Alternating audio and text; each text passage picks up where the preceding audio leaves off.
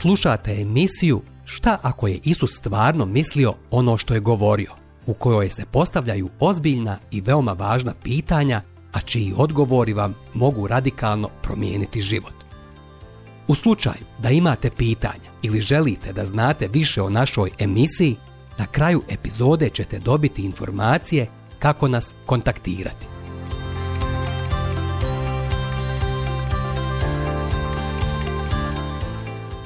Svijetu nije potrebna neka druga nova knjiga. Potrebna nam je bezustavna predanost Isusu Kristu. Šta ako je Isus stvarno mislio ono što je govorio? Šta ako ne želi tek neki dio tvog života? Šta ako te želi u potpunosti? Zar ublažavamo, razvodnjavamo njegove izjave da bi nam bilo kulturološki prihvatljive, umjesto da ih prihvatamo kao riječi koje preoblažavaju život – Šta ako gospod i nije namjeravao objasniti nam sve što je rekao, baš svaku riječ? Da, šta ako Isus zaista mislio sve što je rekao? Susrećući se i radići s ovim našim naraštajem širom planete, vidio sam da su mnogi zbunjeni svojim vjerskim putovanjem kroz život. Pitali su, kako to izgleda kada živiš s Kristom i hodaš s njim po vjeri? Kako bi to trebalo izgledati? kako iskoračiti od prvobitnog obraćenja Kristu kada ga prihvatamo za spasitelja do predanja njemu istom, kao gospodu. Na ovim stranicama nećete pronaći ugljaštene legalističke i laki odgovore na Kristov sveobuhvatni poziv na sljedbeništvo. Pročitat ćete umjesto toga autorovo traganje za odgovorima na pitanje koje svako od nas mora sebi postaviti kako bi Krista učinio dijelom svoga svijeta. Jer ako je Isus stvarno mislio ono što je govorio, kako onda sve to rečeno djeluje na naše odnose, ulaganja, govor, viđenja stvari, učeništvo, duhovnu disciplinu i svaku drugu sferu življenja? Umjesto da prilagođavamo Božju riječ svojim životnim ramovima, kako se mi sami uklapamo u istu tu riječ. Šta ako Isus nije umro da bi nas spasio od križa, već od neznanja? što bi se dogodilo kada bismo živjeli po paroli jednog njegovog sljedbenika? Jer Krist je za mene život, a smrt dobitak. Filipljanima, prvo poglavlje, 21. stih. Kako to život može da ne bude on sam, Krist? Odakle to da bi i nam i smrt mogla biti dobitak? Ne radi se o većim i napornim nastojanjima. Ne, riječ je o bliskim bogopoznanju. Riječ je o pozivu u božansku vječnu ljubavnu priču koju je sam gospod Bog ispričao. Jesmo li spremni za ovo putovanje dubinskog samosagledavanja? Spremni smo postavljati teška pitanja, očekujući teške odgovore? Da li smo spremni dobro se zamisliti na ovo vremenskoj i na vječnoj primjeni odgovorenog? Znam, znam, čitao sam jedan članak u kome se svaki maratonac upozorava. Nema utrke bez ozbiljne pripreme. Ako ne računam na to da sam se pripremao nekoliko sedmica ranije, trčeći po desetak kilometara, onda mi za ovaj poduhvat ništa nije išlo na ruku osim malo teretani i povremenog plivanja. Ali jedna poruka organizatora Štokholmskog maratona me je pratila. Utrka od 42.195 metara je test izdržljivosti. No odpočni je ukoliko nisi sasvim zdrav. Par nedelja prije velikog događaja sjećam se da sam otišao u Colorado Atletski savez gdje su me pitali a za koju utrku se prijavljujete? Kada sam im rekao da želim na maraton u Štokholmu, odmjerili su me od glave do pete. A po kakvom programu ste trenirali? Ne želeći im objašnjavati kako nikada još nisam trčao ni kilometar maraton utrke, uzvratih im, pa netipičan program, ali dobar. Na sreću, ovo ih je nekako zadovoljilo, pa su odmah prešli na sljedeće pitanje. Gotovinom ili karticom?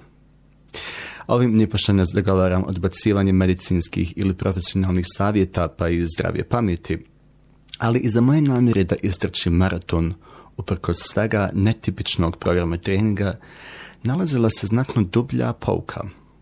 Iako diskvalifikujemo sebe iz daleko važnijih utrka života samo zato što se osjećamo loše pripremljenim, nego znam da ste ljubopitljivi u vezi Štokholma, pa da vam kažem – te kišnje švedske subote bio sam na startnoj liniji zajedno sa skoro 17.000 trkača. Imao sam samo jednu na umu, stići do cilja. I noge su me nekako ipak prenijele preko te željene linije. Sveto pismo je prepuno priča, primjena ljudi koji su se osjećali nespremnim za izazove na kojih je Bog pozivao. Mos je se izgovarao manjkom rečitosti, Izgovarao se zapravo kada mu je Bog povjerio pastirski zadatak izlaska Izraelaca iz Egipta. Gideon je smatrao da mu porodično nasljeđe ne dopušta odaziv božanskom pozivu, da povede narodnu vojsku u okršaj sa moćnim e, medijancima. Udovica iz Sarepte Sidonske se ili žalila kako nema hrane ni za sebe, kada joj je prorok rekao da će ga Bog u njenom domu spasiti od gladi. Jeremija je smatrao da nije u godinama kada neko može biti Boži glasnik. Petar je bio okrenut ličnoj prošlosti kada je odbijao Isusov poziv. Kaže poslovica da Bog ne poziva sposobne, već osposobljava pozvane – i to je poruka svima koji se osjećaju nesposobnim i nepodobnim istrčati utrku u koju ih Bog poziva. Svojim spomenutim i nespomenutim biblijskim junacima vjere je zajedničko jedno. Bog je bio s njima. Jedini, ali više nego dovoljan. Poziv da slijedimo Krista uopšte nije stvar našeg osjećanja spremnosti. Bit je u samom pozivu. To je zapravo ultimatum. Jasen iz jakih kristovih riječi upućenih na obali Galilejskog jezera, šačci ribara, pođite za mnom. Matem Evanđelje, četvrto poglavlje, 19. stih. Poziv, zov, izbor. Spremnost da se iskorači iz životnih zona sigurnosti težnjom ka vječnosti. Bog poziva obične ljude u neobičan poseban život.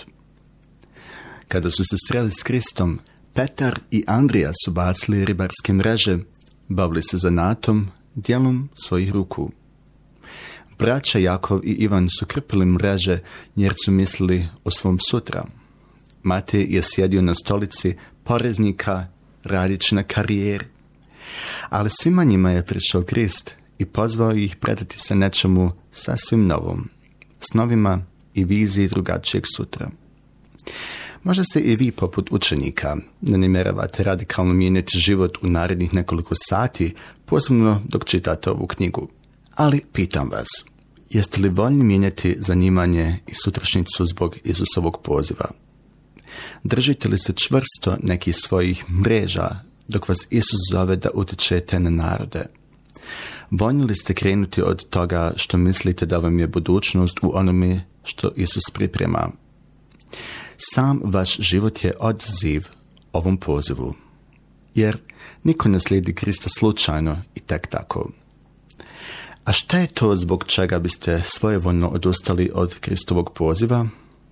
Sigurnost, posao, ugled, dom, snovi, javna priznanja, mišljenja svijeta, uviđajnost, porodica, odnosi, sam život.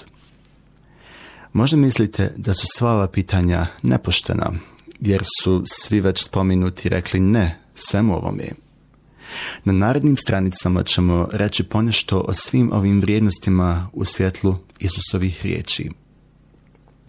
Mnogo je onih i muškaraca i žena koji su na Isusov poziv odgovorili pravim preokretom svega što su do tada živjeli.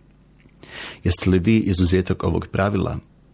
Marija je ponizno prihvatila svoju ulogu da bude ovozemaljska majka Mesije, koliko god da to ugrožava njen ugled. Da, i glavu je time stavila u torbu i voljno se odrekla nekog očekivanog života. Odustala je od svega iz poslušnosti i predanja Bogu, kao sluškinja gospodnja. I Josipov ugled i čast su nestali kao dim kada je prihvatio anđelsku poruku da oženi Mariju. Time je pristao biti odgovoran za skandalnine preuranjene trudnoće. Elem, Kristov ulazak u bilo čiji život donosi nerazumijevanje, nered i promjene socijalnih odnosa. I mi se suočavamo sa pitanjem koji su oslinjeni ovo dvoje. Marija i Josip.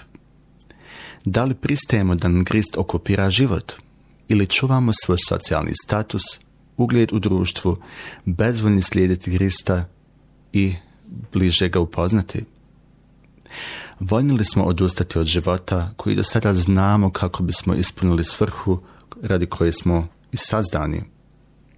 Naš sazdatelj nam ne traži ništa više od onoga što nam je već dao – napustio je sjaj i raskoš svoje slave da bi se nastanio u tijelu bespomoćnog novorođenčeta, da bi postao kopile, da bi ga povijenog stavili u jasle kao prvi krevetić.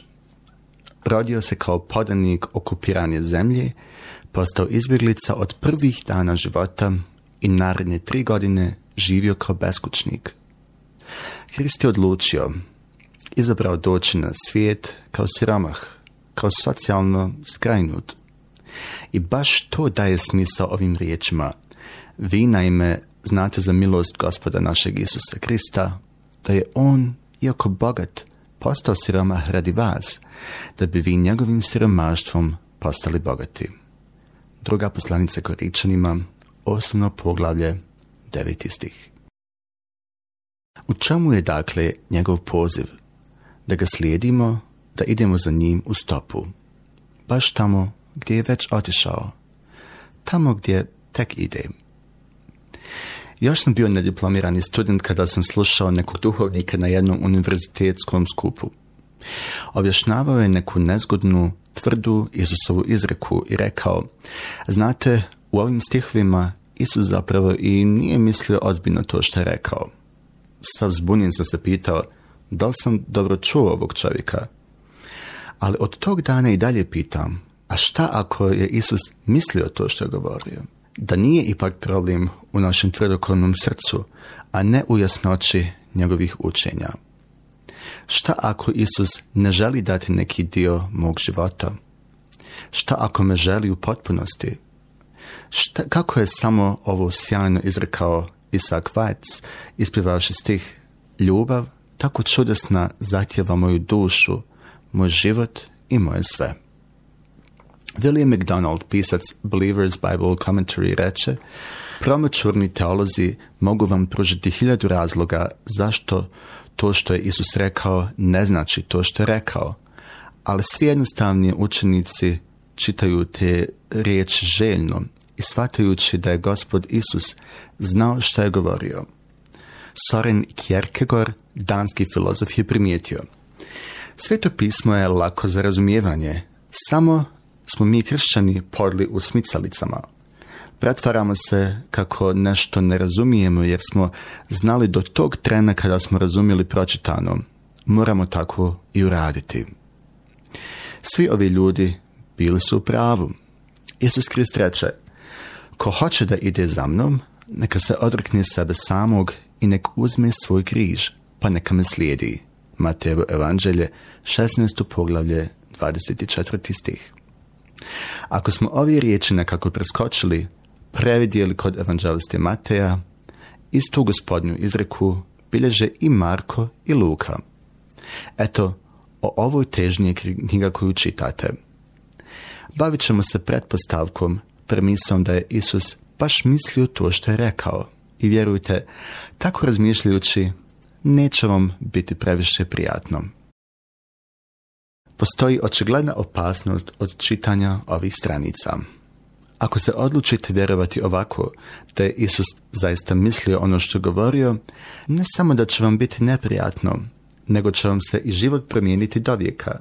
Naime, čitajući otkrivat ćete da Isus nije prvenstveno govorio nekom nesnosnom rođaku, član porodice kolegi sa susjednim stolom u kancelariji, vjerniku u crkvi, klupi pored vaše.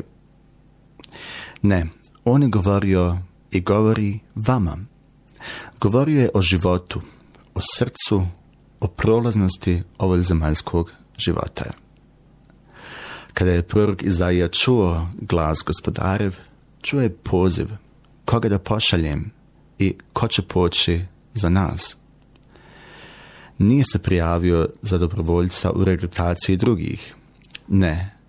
Uz, uzviknuo je, evo mene, mene pošalji. Promjena počinje od nas. Naša voljno za slijedim Krista ne zavisi od bilo čije poslušnosti. Zavisi samo od nas. Od naše voljnosti, kada jednom stanemo pred gospoda Isusa Krista, nećemo moći izgovarajući se na druge, na bilo koga, pareći odgovornost pred njegovim vječnom riječom. Da li ste voljni slijediti Isusa, makar to bilo nezgodno, neprikladno, neprijatno, sramotno ili potpuno suludo? A sve počinje tek jednim pozivom. Zamislimo se, na koji način i čime ste se sve izgovarali u posljednje vrijeme da u potpunosti ne poslušate Kristove riječi. Budite određeni. Postoji li nešto čega baš i niste voljni odreći se radi Kristovog poziva? Čega se sve Krist odrekao kada je kao čovjek došao na našu planetu? Koliko i kako bi se vaš život promijenio ako biste se u potpunosti predali njegovom pozivu i počeli ga slijediti? Šta ako je Isus stvarno mislio ono što je govorio? Sjećam se kao da je jučer bilo nesigurnog koraka kada sam se nekako gegao lukom krenost mosta. Bio je rešetkast, kao neki veliki roštilj, a do dna klisure me je dijelilo 200 i nešto metara čistog afričkog vazduha. Jutro bijaše svježe, oblaci su promicali dok je sunce obesjavalo padine, padine cicikama planine na sjeveru i svjetlucavi vode Indijskog okeana na jugu misija doživljaj bungee jumpinga sa najvišeg mosta na svijetu. I tako osoblje je propisno spakovala u svu potrebnu opremu. Prikačalo mi ono elastično uže i poželjelo sreću. Stupio sam na ivicu betonske platforme i pročitao natpis koji je tu stajao. Strah je privremen, a žaljenje vječito. Oglušujući se na vrisak u sobstvenoj glavi, vrati se, vrati se, pitao sam osoblje da li imaju još neki posljednji savjet. Imali su, ne oklijevajte. I dok je tehno muzika grmila, adrenalin kuljao, a srce divljalo, slušao sam ono strašno odbrojavanje. Pet, četiri, tri, dva, jedan, skači. I prije nego što su glasovi utihnuli, Više me nije bilo na mostu. Još jedno štekliranje na popisu stvari koje ću raditi. Ludost? Vjerovatno. Slijepa vjera? Nipošto. Riječ je o već nekoliko decenja besprikrojne bezbjednosti provjerene banči tehnologije i ništa manje poznate poznanosti tog mosta. Dakle, nije dilema bila da li je bezbjedno ili hoće li uže zdržati, već skačem li ja ili ne skačem? Nešto slično mi je Bog objavio pismu. Koliko smo voljni vjerovati mu, pouzati se u njega, stavimo li sav svoj život u njegove ruke, mnogi od vas tvrde kako je baš tako, kako se pouzaju u njega, a ne živi po tom ispovjedanju. Mi smo kao bolesnici koji žuđno uzimamo lijek da bismo ozdravili, stavljamo ga u usta, i ne gutamo. Mi smo kao oni koji na sva usta hvale nekog pisca, a da nisu pročitali ni riječ od onoga što je dotični napisao. Pričamo mi o Isusu Kristu kao gospodu, ali poričemo li mu gospodstvo načinom života?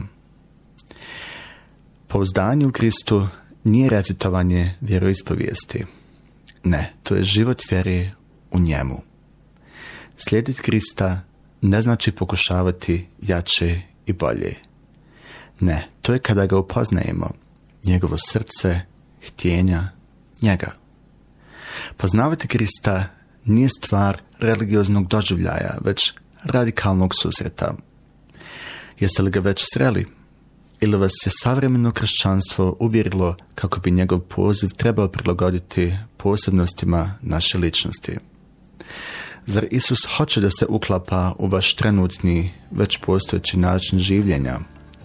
Ma šta ako Isus stvarno mislio ono što je govorio?